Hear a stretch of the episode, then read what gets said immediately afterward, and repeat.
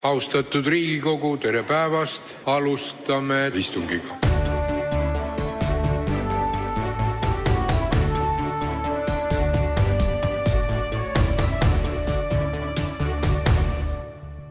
tere tulemast äh, Delfi valimissaatesse Tagatuba. Äh, oleme alustamas äh, valimiseelset ringi natukene suuremalt ja veel paremalt, ehk siis nüüdsest peale on meil stuudios kaks külalist ja me räägime juba konkreetsetel teemadel. täna on meil stuudios Jaak Madisson EKRE-st ja Raimond Kaljulaid äh, Keskerakonnast ja üllatus-üllatus, räägime nende valimiste kõige kuumemast teemast sisuliselt ehk siis äh, rändest. Äh, Jaak Madisson on pikka aega olnud Riigikogus Euroopa Liidu asjade komisjonis, teab, kuidas asjad maailmas käivad, kes kuhu liigub. Raimond Kaljulaid siis võtame natukene kohalikuma tasandi, vastutab Tallinna kõige nii-öelda multikultimaa linnaosa eest, kuhu tema valdustesse kuulub äh, Balti jaama turg ja, ja Telliskivi loomelinnak äh, ja, ja veel palju muid kohti.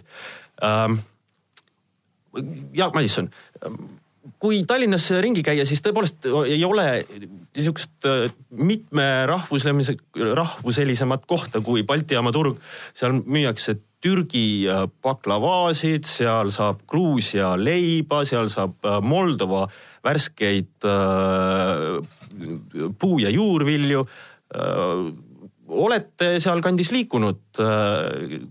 seal on näha erinevaid rahvaid, väga lõbus on seal kas sa pead nüüd erinevaks rahvaks toiduained, mida müüakse samamoodi või minna Prisma peremarketisse, kus seal on ka päris, seal on ka erinevast riigist toiduained, nii et et kui vaadata lihtsalt Tallinna tänavapilti, siis see on väga palju muutunud äh, viimastel aastatel, et. nii on jah, paraku. et äh, Äh, kuidas teile, jääb see teile silma, äh, mis te sellest arvate?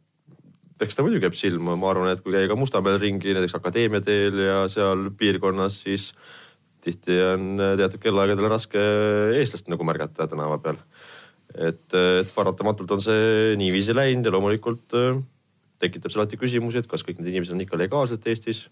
eriti olukorras, kus äh, meil igasugune kontroll puudub selle üle, kes Eestisse tuleb, meil puudub kontroll sadamate üle, meil puudub kontroll lõunapiiri üle.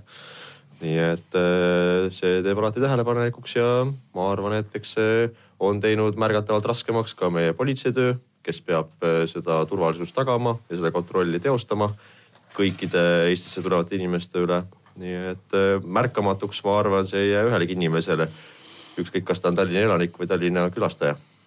aga kui küsida, siis noh, see on küll hea küsida, et, et me ei tea ja kontroll puudub, aga samas noh, on olemas politsei ja ma usun, et kui oleks väga palju mingit kontrollimatut rahvast, siis me ikkagi näeksime ja teaksime sellest no.. mina küll usaldan, et Eesti politsei ikkagi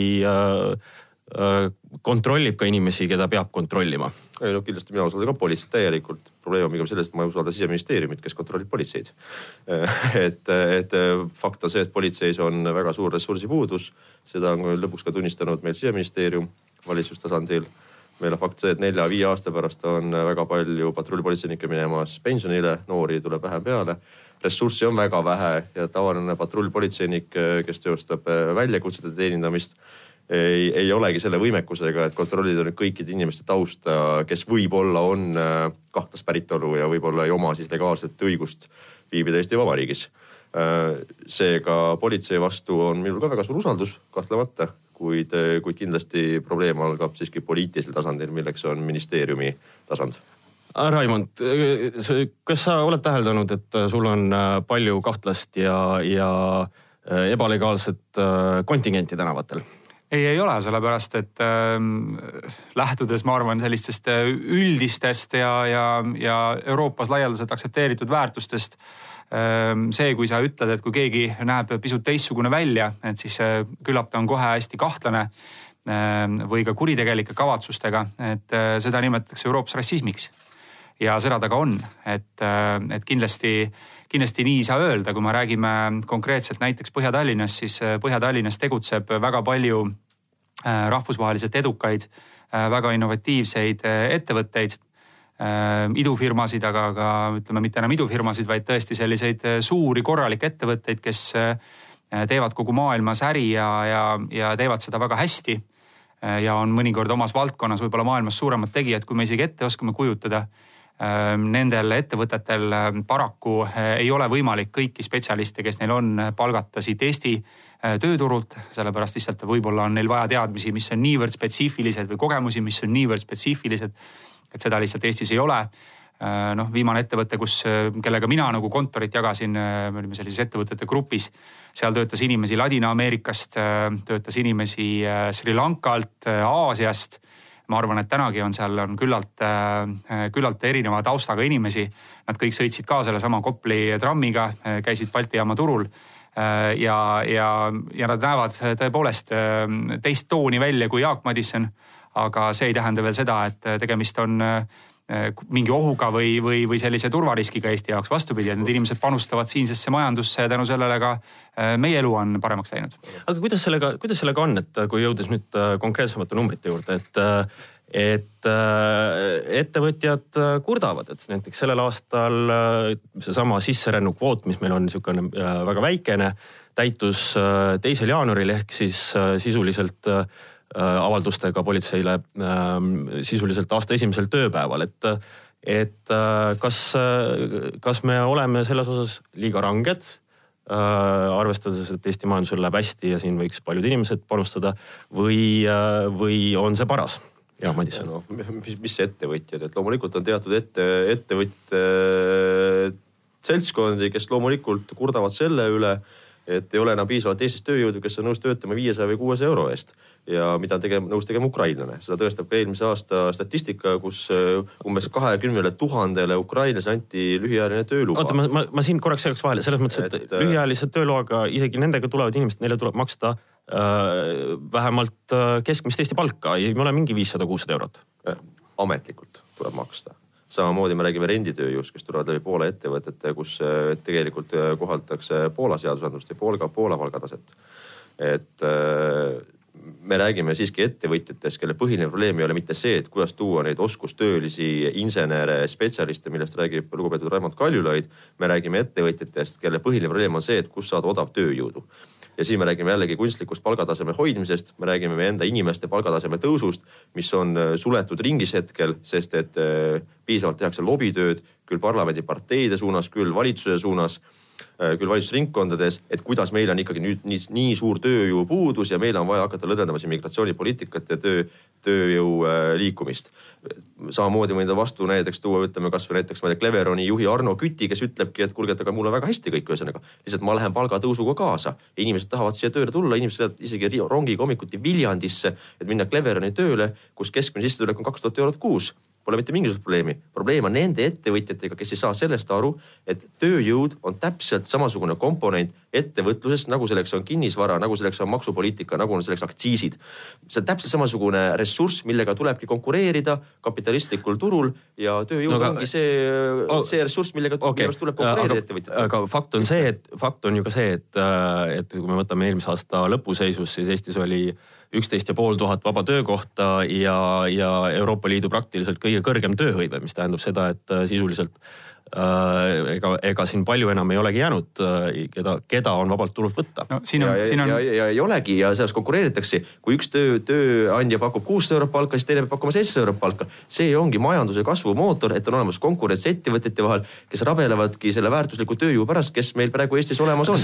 lahendus ei ole see, et me lihtsalt lõdvendame äh, migratsioonipoliitikat ilma vaatamata, kuidas see mõjutab meie palgakasvu, kuidas see mõjutab meie olemasolevaid töötajaid ja kuidas see mõjutab ka meie rahvuslikku koosseisu millest räägitakse häbiväärselt vähe ja millest näiteks ütleme, Keskerakond üldse ei taha rääkida, eriti Tallinna kontekstis.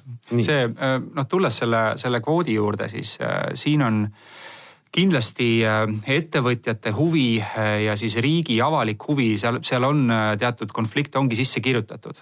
sellepärast, et loomulikult need ettevõtted, kes vajavad ja just ka sellist madalama palgaga tööjõudu, nemad vaatavad seda kitsamalt enda nagu tegevuse vaates riigi jaoks tervikuna on siin nagu väga palju nüansse, mille peale tuleb veel mõelda, et me peame mõtlema selle peale ka näiteks, et majanduses ikkagi tõusuperioodidele järgnevad ka langusperioodid. Ja kui meil nüüd on suurel hulgal äsja riiki saabunud tööjõudu, keda siis koondatakse raskel ajal ja ütleme näiteks, et see juhtub meil aasta pooleteise või kahe pärast siis on, on meil, ma arvan, päris tõsine probleem ja päris suur surve nii meie tervishoiusüsteemile, erinevatele avalikele teenustele, munitsipaal-elamispindadele ja nii edasi ja nii edasi.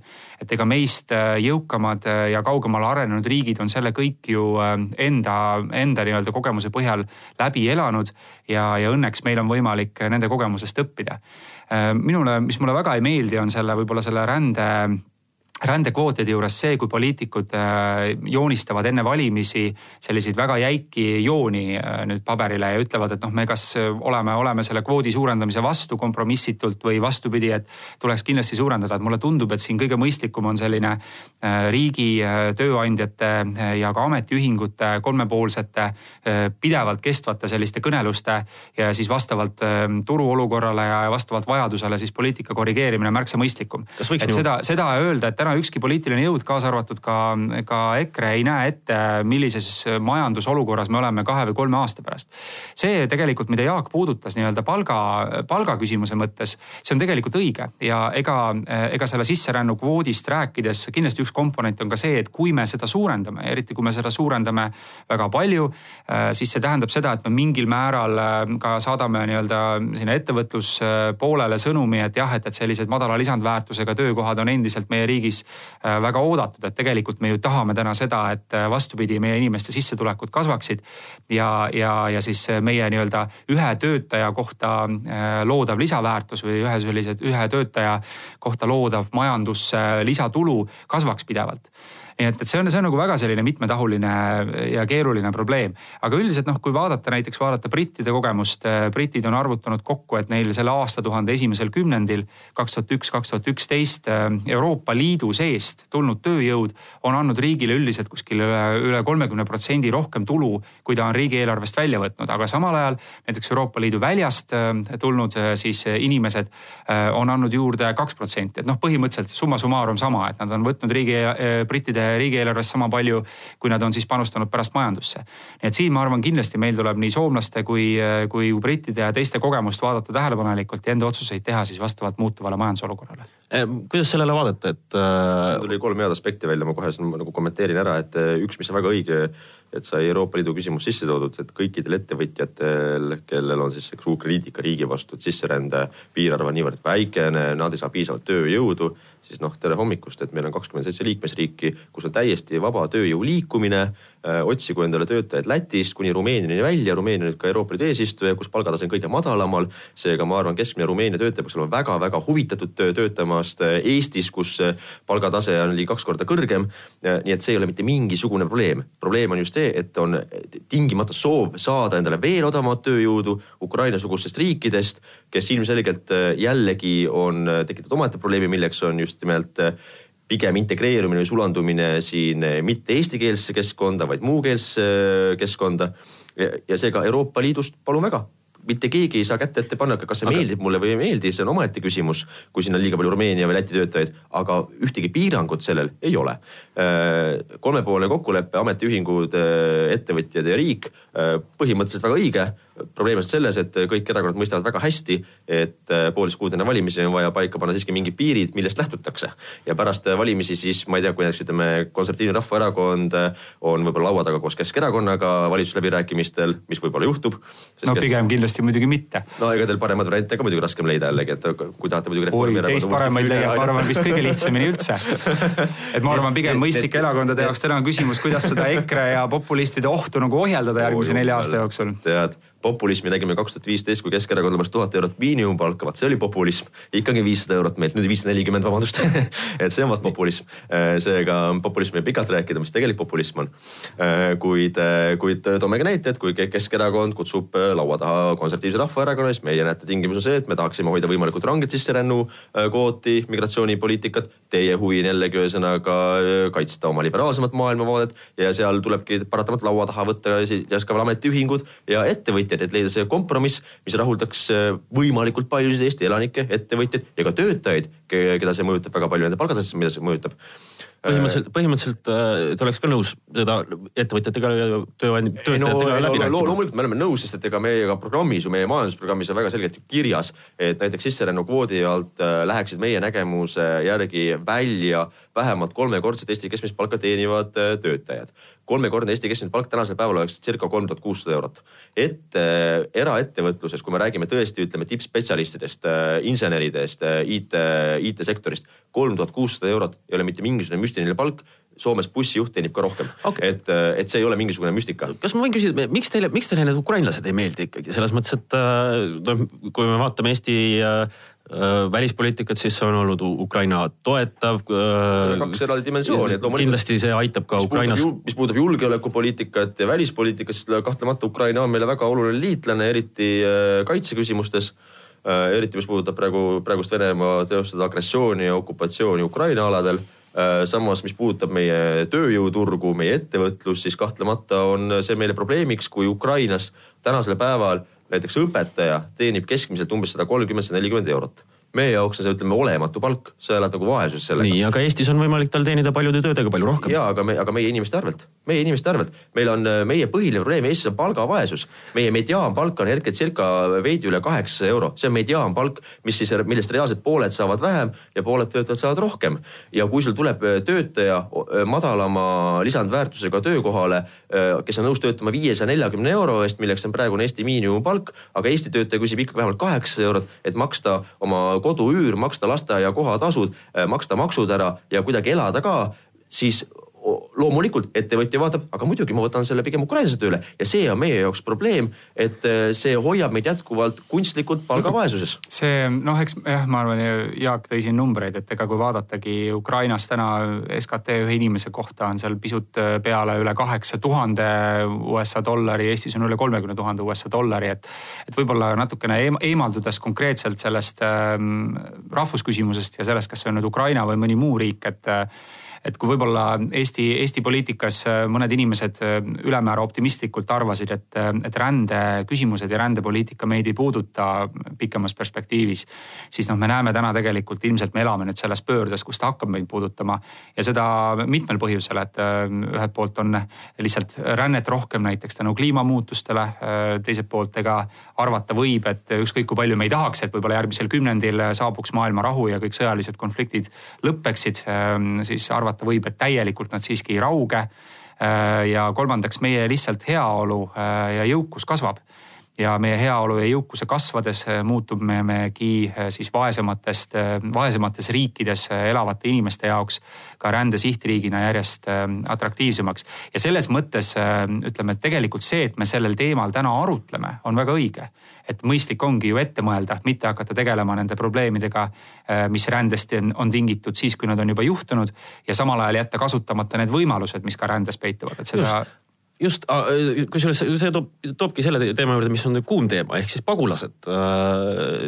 siin äh, arutelus ÜRO ränderaamistiku üle ja, ja mis oli vahetult enne aastavahetust ja ja siis kõige enam räägitakse pagulastest võib-olla ja mitte, mitte sellest äh, majandusrändest, millest me siiani oleme siin stuudios rääkinud äh,. Noh, levib igasuguseid kuuldusi, kes räägib äh, viiest ja seitsmest miljonist pagulasest, kes olevat kuskil Eestisse äh, määratud või kuskil tulemas äh,.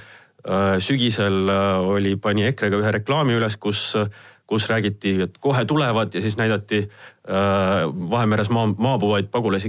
on need pagulased siis tulemas? ei ole nagu statistika järgi sõltub, mis statistika vaatame, me vaatame ikka kaks tuhat viisteist tuli Euroopasse circa poolteist miljonit.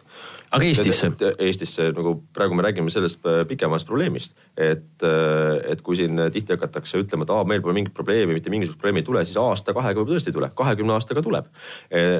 me räägime ikkagi sellest olukorrast, mis Euroopa Liidus laiemalt valitseb, me räägime samast poliitilisest suunast, mis ei ole muutunud võrreldes kahe tuhande viieteistkümne, kuueteistkümnenda aastaga.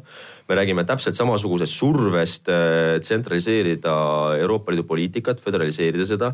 me räägime jätkuvalt survest, eriti Lõuna-Euroopa riikide poolt Euroopa Liidus, kes jätkuvalt hurjutavad siin äh, riike nagu Austria, Poola, vahel isegi Eestit, et miks me oleme küll nii Euroopa Liidu vastased, me ei jaga neid väärtusi, mis on mm. klišee sõna, mingid euroopalikud väärtused, et me peame ikka olema solidaarsed et, et me peame justkui solidaarsed olema, et äh, lahendama nende probleeme, et nad ei suuda tagada Schengeni välispiiri valvet, mis on nende kohustus, mida nad ei täida. ja siis meie peame hakkama seda jama lahendama, võttes vastu nii-öelda inimesi, kelle vastu puudub meil igasugune huvi, samal ajal kuigi Eesti on äh, näiteks uutest Euroopa Liidu liikmesriikidest esikohal koos Maltaga, kes osutab abi, rahalist abi kolmandatele maailma riikidele see on väga suur solidaarsus, mida Eesti maksumaksja tegelikult teeb ja millest räägitakse teenimatult vähe. aga, aga kahekümne, kolmekümne, neljakümne aasta perspektiivis on äh, pagulase probleem, migratsioon on vaieldamatult äh, Euroopa tulisemaid probleeme ja see ei kao mitte, mitte kuskile, nagu ka härra Kaljulaid mainis, me räägime kliimaprobleemidest. me räägime jätkuvalt äh, väga suurest iibekasvust Aafrika kontinendil. me räägime sellest, et hetkel tänasel päeval on umbes seitsekümmend miljonit pagulast, kes siis põgenevad oma kodupiirkondadest. ilmselgelt kõige lähem piirkond, kuhu nad pürgida tahavad, on Euroopa. Euroopa on praeguses olukorras, kus äh, jätkuvalt ongi surve selle poliitika tsentraliseerimisele, föderaliseerimisele, et me peaksime lahendama migratsiooniprobleeme ühtsel Euroopa Komisjoni tasandil.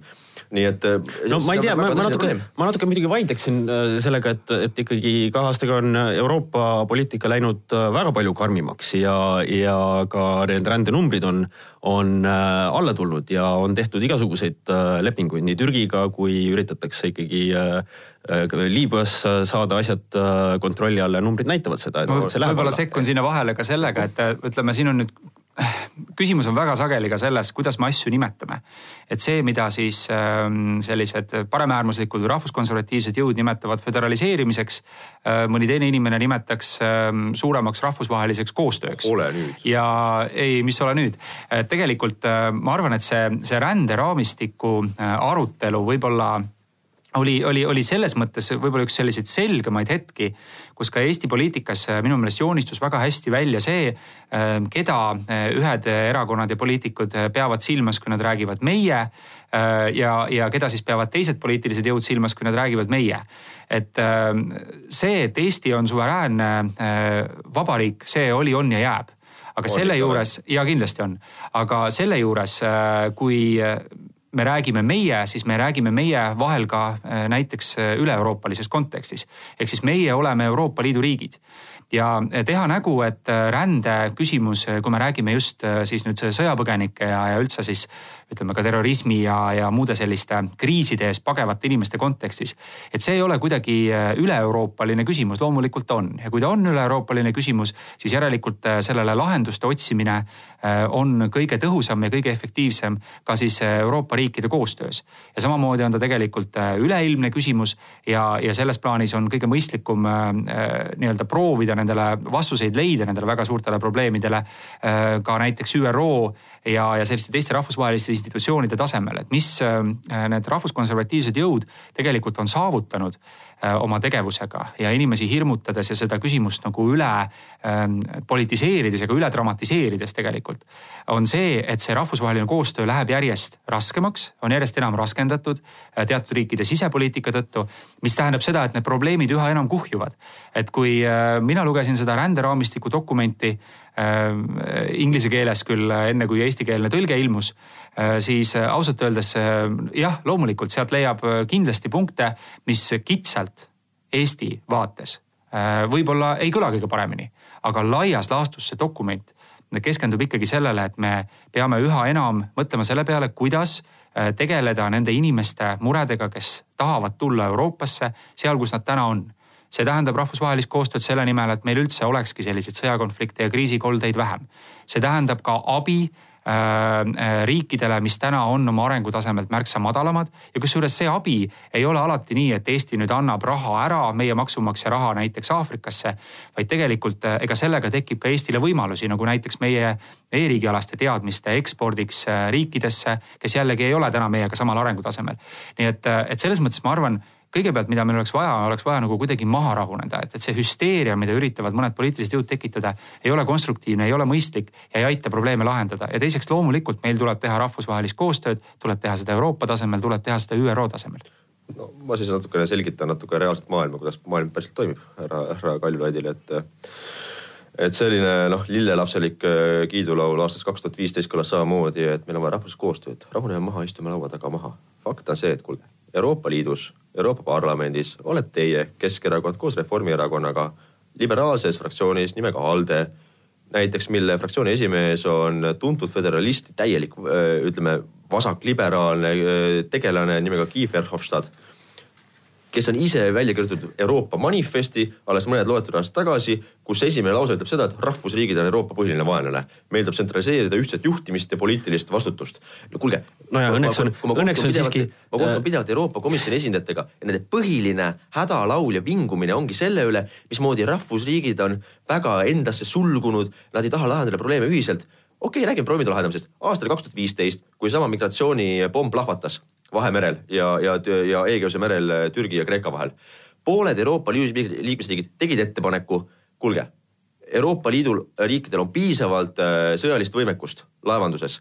Kreekal on kõige rohkem sõjalaevu Egeuse merel, ise samal supleb võlgades paneme Vahemerele patrulli välja oli... Äh, ja, ja lähtudes rahvusvahelisest seadusest, lähtudes äh, täpselt põgenike konventsioonist, me peame viima selle inimese, kes on surmaohus, uppumas merel, viima ta kõige lähemal asuvasse randa kes oli selle vastu? Saksamaa. Saksamaa tekitas probleemi ja keeldus lahendamast probleemi. ma siiski tuletaks meelde, et, et seal oli see väike probleem, et nii Kreeka kui Türgi kuuluvad NATO-sse ja, ja. ei, see oli NATO väline tegemist oleks olnud täpselt see ettepanek äh, puudutas Euroopa Liidu sees probleemi lahendamist, see on NATO väline no. lahendamine ja NATO siin pole üldse mängus, hoiame Euroopa Liidu ja NATO täiesti eraldi. NATO ei puutu sinna asjasse hetkel, me räägime reaalselt mere peal probleemi lahendamisest. ja jah, selles mõttes, et kõike ei saa ära lahutada, kõik asjad on omavahel nagu natuke seotud.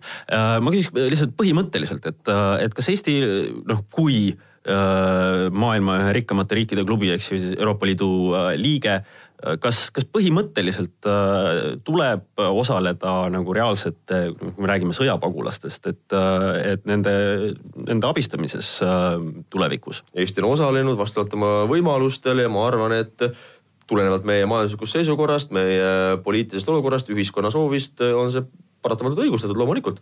ma tuletan meelde, et Eesti oli näiteks kahe tuhande viieteistkümnendal ja kuueteistkümnendal aastal äh, tulenevalt meie majanduslikust võimekusest kuues riik Euroopa Liidus, kes panustas Vahemere operatsioonidesse läbi meie tehnilise toe, läbi meie inimressursi ja läbi meie kopteri, helikopteri. me oleme kuues riik kui võtame majandusliku äh, olukorra võrdluse teiste Euroopa Liidu liikmesriikidega, me olime esirinnas Euroopa Liidus see ongi solidaarne abi vastavalt meie võimalustele, aga Euroopa Liidus on, eriti Euroopa Komisjoni tasemel, nagu ma rääkisin ka teie ALDE liberaalide gruppi seal Euroopa Parlamendis, Guy Verhofstadti juhtimisel, ongi tegelased, kes unistavadki sellest, ei, meil on vaja ühtselt ikkagi. Õnneks on, Jaak, õnneks on, õnneks on see ALDE fraktsioon kõige väiksem ja kõige mõjutum seal, äh, selles mõttes on väga, väga hästi, aga Raimond. no õnneks see Euroopa Parlament on jah, see toimib pisut teisel alusel kui, kui Eesti, Eesti parlament ja öelda seal, et üks saadik või fraktsioon on mõjutu, et noh, meil loomulikult ega EKRE EKRE mõju järgmise nelja aasta jooksul, võib-olla ka kaheksa aasta jooksul saabki olema olematu, sellepärast et opositsioonis olles Eestis sa ei saa nagu midagi ära teha. Euroopa Parlamendis, Euroopa Liidu tasandil jah, seal on võimalik kokku leppida ja kokkuleppeid sõlmida hoopis teistmoodi, aga äh, tulles selle juurde, küsimus selles, et noh, kas Eesti, Eesti peaks osalema nende probleemide lahendamisel, jah, loomulikult peaks. Ähm, ja, ja tegema seda konstruktiivselt äh, muuhulgas äh, selleks, et meil on ju huvi Äh, kaitsta omaenda iseseisvust ja julgeolekut. ja, ja, ja mille nimel töötasid järjestikused üheksakümnendate aastate, kahe tuhandete aastate alguse valitsused, mille nimel töötas president Lennart Meri äh, väga palju just nimelt selleks, et integreerida Eestit, kes oli siis äh, värskelt iseseisvunud riik Äh, küllalt, küllalt sellises keerulises äh, geopoliitilises piirkonnas, integreerida meid võimalikult palju erinevate rahvusvaheliste organisatsioonidega ja, ja olla nii-öelda siis äh, osa, osa lahendustest ka suurte probleemide lahendusel. loomulikult ega Eesti, Eesti üksinda ei suuda ei maailma rahu tuua ega, ega põgenikevoogu ümber suunata, aga me saame sinna anda nagu selle oma, oma jõukohase panuse. nüüd, mis, mis ei ole konstruktiivne ja, ja mis mõjub halvasti meile, on kindlasti see, kui Äh, ka nendest äh, siis sõjapõgenikest või pagulastest räägitakse üheselt ainult kui äh, riskist, äh, probleemist ja, ja ohust. Ja see, ja see põhjus on see, et äh, sellega tegelikult need parempopulistlikud jõud oma toetajatele annavad nagu märku, et, et see ongi okei okay,, et rassism ongi okei. okay ja, ja tänava tasemel põhiliselt Põhja-Tallinnas väljendubki see siis selles, et, et tõepoolest nüüd see spetsialist, kes on Eestisse tööle tulnud või inimene, kes on turist näiteks, aga näeb veidi teistmoodi välja, siis nii-öelda võib juhtuda seda, et, et temasse ei suhtuta nagu kõige, kõige viisakamalt, et sellist nagu suhtumist inimestesse ei peaks me kindlasti õhutama, et isegi kui keegi on tulnud Euroopa piiri peale sõjapõgenikuna, sõjapõgenikuna see ei tähenda seda, et, et me võime temasse suhtuda halvemini kui igasse teise inimesse. siin ma näiteks soovitan ka konservatiividel, kes peavad kirikut väga oluliseks, lugeda tähelepanelikult Rooma paavsti uusaasta läkitust. ja no ma mõistan, teie ei ole, aga teie, te, te peate ju ometi ju kristlikku sellist maailmavaadet ja väärtusi väga oluliseks aga nende sõja, sõjapõgenike juurde veel tulles on see, et, et täna on ju väga suur probleem on ka see, et ülikeeruline on tegelikult ka eristada seda, äh, äh, mis alusel või kuivõrd põhjendatud on nende inimeste väited kes erinevates punktides Euroopas siis ennast äh, pagulasena deklareerivad. sellepärast, et nendel inimestel tihti ei ole dokumente, mõnikord neil taotluslikult ei ole dokumente, mõnikord neil objektiivsetel põhjustel ei ole dokumente, nende tausta väljaselgitamine on keeruline, sest nende sõjas olevate riikidega koostöö on väga raskendatud. et noh, kui me tuleme tagasi selle äh, ränderaamistiku juurde, siis üks ränderaamistiku selliseid eesmärke, mille, mille, millega siis riigid ütlesid, et me peame tegelema, peame tegelema sellega, et rändevoogudes olevad inimesed öö, omaksid siis dokumente ja et me me teaksime, mis on nende taust. nii et, et äh, veel kord, et äh, lihtsalt äh, nii-öelda lossiplatsil karjudes, räusates ja sõimates me kuidagiviisi sellele probleemi lahendamisele kaasa ei aita no ma ütleks, et sellest karjumist, räuskamist, nagu sina nimetad, palju hullem on infantiilse jutu ajamine, mis, millel puudub igasugune reaalsustaju ausalt öeldes. kui sa räägid siin kristlikust kultuuriruumist, siis äh, ma olen luterlane, loomulikult olen ja ma ütleks, et siin on nagu väga meeldiv tsiteerida isegi Hageri koguduse õpetajat Äh, sattusin olema esimesel jõulupühal, kahekümne viiendal detsembril Hageri koguduses, kus ta väga kenasti oma jutluses äh, tõi välja aspekti, et kus me oleme Euroopaga omamoodi jõudnud. Meil on Euroopas mitmetes riikides kirikuid, kes isegi ei lase, ütleme, kirikukellasid, sest see võib solvata teistsuguse religiooni taustaga inimesi. Nad isegi ei hakka risti üles panema, see võib solvata teistsugust no,, see, see, see... ära tule mulle rääkima kristlusest, ära tule rääkima ristiusust ja tead miks, ja tead miks mina olen käinud, ma olen käinud Saatari põgenikelaagris Jordaanias, mis on maailma suuruselt kolmas, seal elab kaheksakümmend tuhat inimest, see on kakskümmend kilomeetrit eh, Süüria piirist, seal on päris pagulased, need on päris pagulased. Ja seal ei öelnud mitte ükski inimene mulle, et ta tahab tulla Euroopasse, ei, ta tahab minna koju. samal ajal ma olen käinud mitu korda Ateena põgenikelaagrites, ma olen käinud Lesbose saare põgenikelaagrites, kus circa kaheksakümmend protsenti on majandusmigrandid. neljateistkümnest erinevast riigist oli ühes Ateena põgenikelaagris, alates Bangladeshist, Nepaalist, lõpetades Iraagi, Afganistani ja muu Aafrika riikidega. Need ei ole pagulased.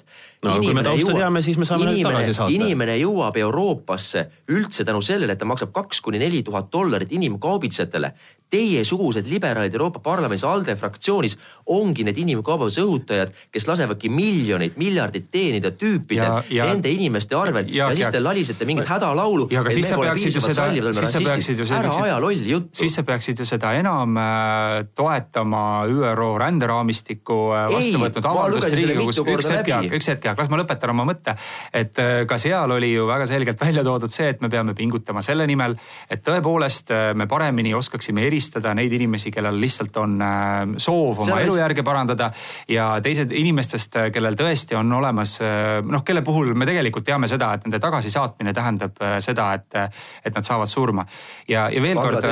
loomulikult ja veel, saavad surma. ja veel kord ma arvan, et mis kindlasti ei ole konstruktiivne, mõistlik ega tark, on see, et süüdistada inimesi, kellel on Äh, noh, võib-olla teist nagu ma ei tea, üks sentimeeter erinevad vaated sellele, kuidas probleem lahendada. las ma nüüd, las ma nüüd, las ma nüüd räägin edasi. süüdistada neid selles, et nad on, ma ei tea, Eesti rahva hukutajad ja reeturid ja, ja halvad inimesed. Jaak, vot kui mina oleksin konservatiiv, mida ma ei ole, aga no kui ma oleksin. Ja mina korraldaksin Lossi platsil meeleavalduse ja ma näeksin seal äh, meeleavaldusel inimesi, kes kutsuvad üles äh, mõne oma kolleegi, kes töötab minuga samas majas Riigikogus, äh, tema vastu kasutama vägivalda, siis ma ütleksin talle, hea sõber, see ei ole okei. Okay., nii ei tohi teha. Ärme tee seda, me, meid on siin, meil on väike riik, meil on vähe inimesi, me peame suutma ka oma erimeelsusi lahendama äh, viisakalt ja, ja normaalsete inimestena. et see on nagu äh, minu meelest väga suur probleem äh, mitte ainult Eesti jaoks, vaid, vaid terve rea Euroopa riikide jaoks. et me oleme liikumas sellise poliitika poole, kus me enam nagu rääkida ei taha või ei, või ei saa või ei oska. ja iseenesest ma olen tõesti nõus, et tõesti ma oleks ka oodanud, et vähemalt peaminister, äh, kes on sinu erakonnast juhuslikult äh, mõistaks nagu teravalt hukka sellise provokatiivse käitumise, kus rikutakse rahumeelsed koosolekud, haaratakse mikrofon, hakatakse räuskama, noh nagu sotsialistidele kombe kohaselt. ma ootaks, et ta mõistaks hukka ka selle, et juba aastal kaks tuhat kaksteist harta kaksteist koosolekul Tartus, äh, mille organiseerisid Ossinovski, Lauristin, Tarand. oli suur plakat, kus oli võllapuu ja Ansip võlla. sellest te millegipärast liberaalid ei räägi. see on okay. tüüpiline kahepalgelisus jällegi. nii et ära kindlasti... tule loe, lugema mulle moraali, kui te ise olete niivõrd kahepalgelised, eriti Euroopa tasandil, kus oli see jutt ja mis puudutab seda rändelepingut siis millegipärast seda ei tsiteeri, et rändelepingus oli üks-üheselt kirjas, et meil tuleb näha rändes, migratsioonis ainult positiivseid aspekte ei, seda ei olnud. seda ei olnud seal kirjas. me peame integreerima võimalikult oma ühiskonda, tagama neile sotsiaalseid tagatisi, suhtuma neisse positiivselt. kuulge, halloo nagu ränne ja migratsioon on tekitanud viimase nelja aasta jooksul rohkem probleeme kui viimase kahekümne aasta jooksul kokku.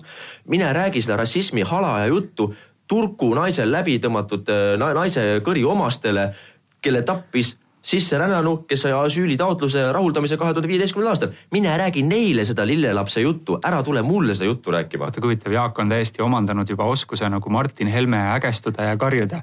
ma ei karju, ma äh, räägin ja... väga rahulikult, sest muidu sa ei saa aru. aga äh, noh, kui nagu tõsiselt rääkida täiskasvanud inimesena, et kas äh, rände ja kuritegevuse vahel on seos? muidugi on vaata õige vastus, Jaak, kahtlematult, kui me vaatame näiteks no, ka väga, vabandust, Raimo, lihtsalt noh, see on selline huvitav asi võib-olla inimestel teada, vaatame väga ajaloolisi rändeprotsesse. Itaalia sisse rännanud Ameerika Ühendriikides, kahtlematult äh, osa neist äh, pingutas kõvasti selle nimel, et eriti New Yorgi piirkonnas ja mujal äh, luua kuritegelikke organisatsioone, mis kümneid aastaid olid väga mõjukad Ameerika Ühendriikides, mõjutasid ka presidendivalimisi lõpuks. Kindlasti näiteks täna inglased on täheldanud seda, et Vene kapitali sissetulekuga Londonisse on sinna kaasa tulnud ka Vene organiseeritud kuritegevus ja organiseeritud kuritegevus on nagu näitab kasvutrend Inglismaal selle tulemusel.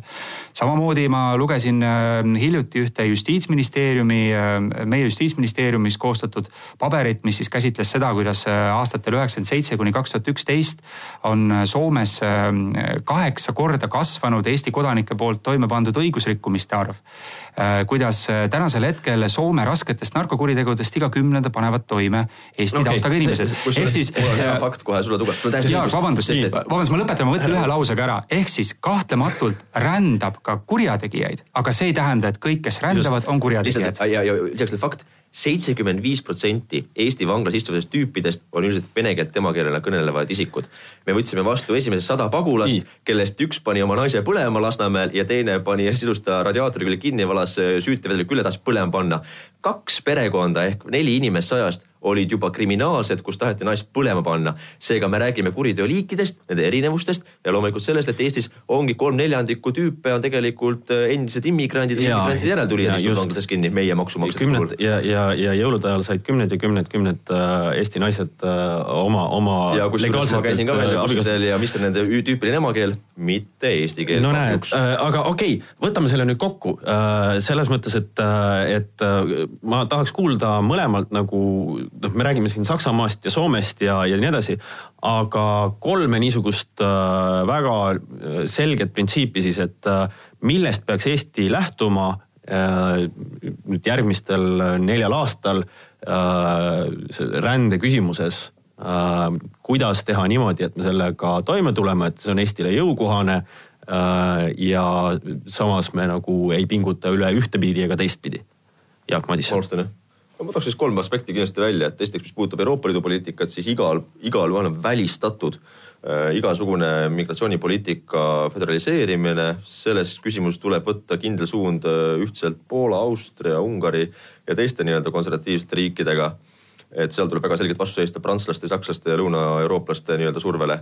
teine küsimus, mis puudutab tööjõurännet, siis äh, kahtlemata meie põhiline küsimus on äh, hoida ära kunstlik palga Äh, palga alal hoidmine, mis on äh, probleemiks tekkinud ja me jälgime eelkõige, ütleme meie palgataseme tõusu ja, ja kolmas on kahtlemata rahvuslik koosseis. et äh, Eesti on hetkel teisel kohal Läti järel mis puudutab äh, nii-öelda eestlaste ehk põlisrahva osakaalu kogu rahvastiku, äh, rahvastiku koosseisust ja see on tõsine probleem minu jaoks ja meie jaoks laiemalt, ma usun ka eestlaste jaoks tervikuna. nii et see, mis puudutab üldse sisserännet, migratsioonipoliitikat, siis see on põhiline küsimus, et eestlaste osakaal ei tohi mitte mingil juhul väheneda praegusest okay. tasemest. väga põhiline, kas lühike jah või ei, kas siis Eestisse sisserännanu võib saada ka eestlaseks äh,? ei nii äh,, ma selle kohta just praegu istusin ja kuulasin ja mõtlesin, ma ilmselt nagu võib-olla kirjutan sellest äh, kuidagi pikemalt äh, oma ajaveebis ja, ja põhjendan seda, et lihtsalt see saate ruum on piiratud, aga kui me räägime sellisest kolmest põhimõttest, punkt üks on kindlasti see, et ei Eesti ega ühegi teise maailma riigi huvides ei ole ebaseaduslik äh, ränne. Ja, ja selle vastu tuleb seista koos teiste riikidega ja selle osakaalu tuleb vähendada, et rännet tuleb peab enam ohjama ja muutu, muutma korrapärasemaks. ja seda ebaseaduslikku rände osakaalu tuleb vähendada nii Euroopas ja loomulikult Eestisse me ei taha ebaseaduslikult sisserännanuid ja sellega tuleb tegeleda. punkt kaks on see, et äh, kindlasti Äh, tuleb nagu rände küsimusele läheneda tasakaalustatult, nähes, äh, kui me räägime nüüd eriti majanduse poolest ja, ja töö, tööalaselt rändavaid või õppiva, õppimise tõttu rändavatest inimestest. siis me peame nägema ühelt poolt selles neid võimalusi ja püüdma neid ära kasutada, mis seal on. aga teiselt poolt ka ette nägema probleeme, mis võivad tekkida, näiteks läbi surve meie sotsiaalsüsteemile, tervishoiusüsteemile, haridussüsteemile. ja me peame mõtlema ette, kuidas neid äh, olukordi lahendada ja riske maandada. sellisel juhul me saame ka rändest äh, teatud kasu ja saame sellest võita. ja kolmas äh, ja mida ei tohi ka pidada vähem oluliseks, on see, et päeva lõpuks tuleb meil ka kinni hoida nendest väärtustest, et et inimesed, ükskõik kust nad pärit on, milline on nende taust, on ikkagi inimesed ja teatud inimõigused on võõrandamatud ja, ja kehtivad kõigile. ja kindlasti peab ka Eesti äh, ja Eesti poliitikutel peab olema seda julgust, et seista jätkuvalt vastu ksenofoobiale, rassismile äh, ja, ja muudele foobiatele, mida minu täna austatud vestluspartner äh, paistab jagavat üha suuremal määral ja millest mul on väga kahju nii, aga saateaeg on läbi ja saate jätkata seda kahtlemata oma ajaveebides ja, ja Facebooki kanalites äh, veel äh, rohkem kui, kui kuu aega. suur tänu stuudiosse tulemast, Jaak Madisson ja Raimond Kaljulaid. Äh, kohtume järgmisel nädalal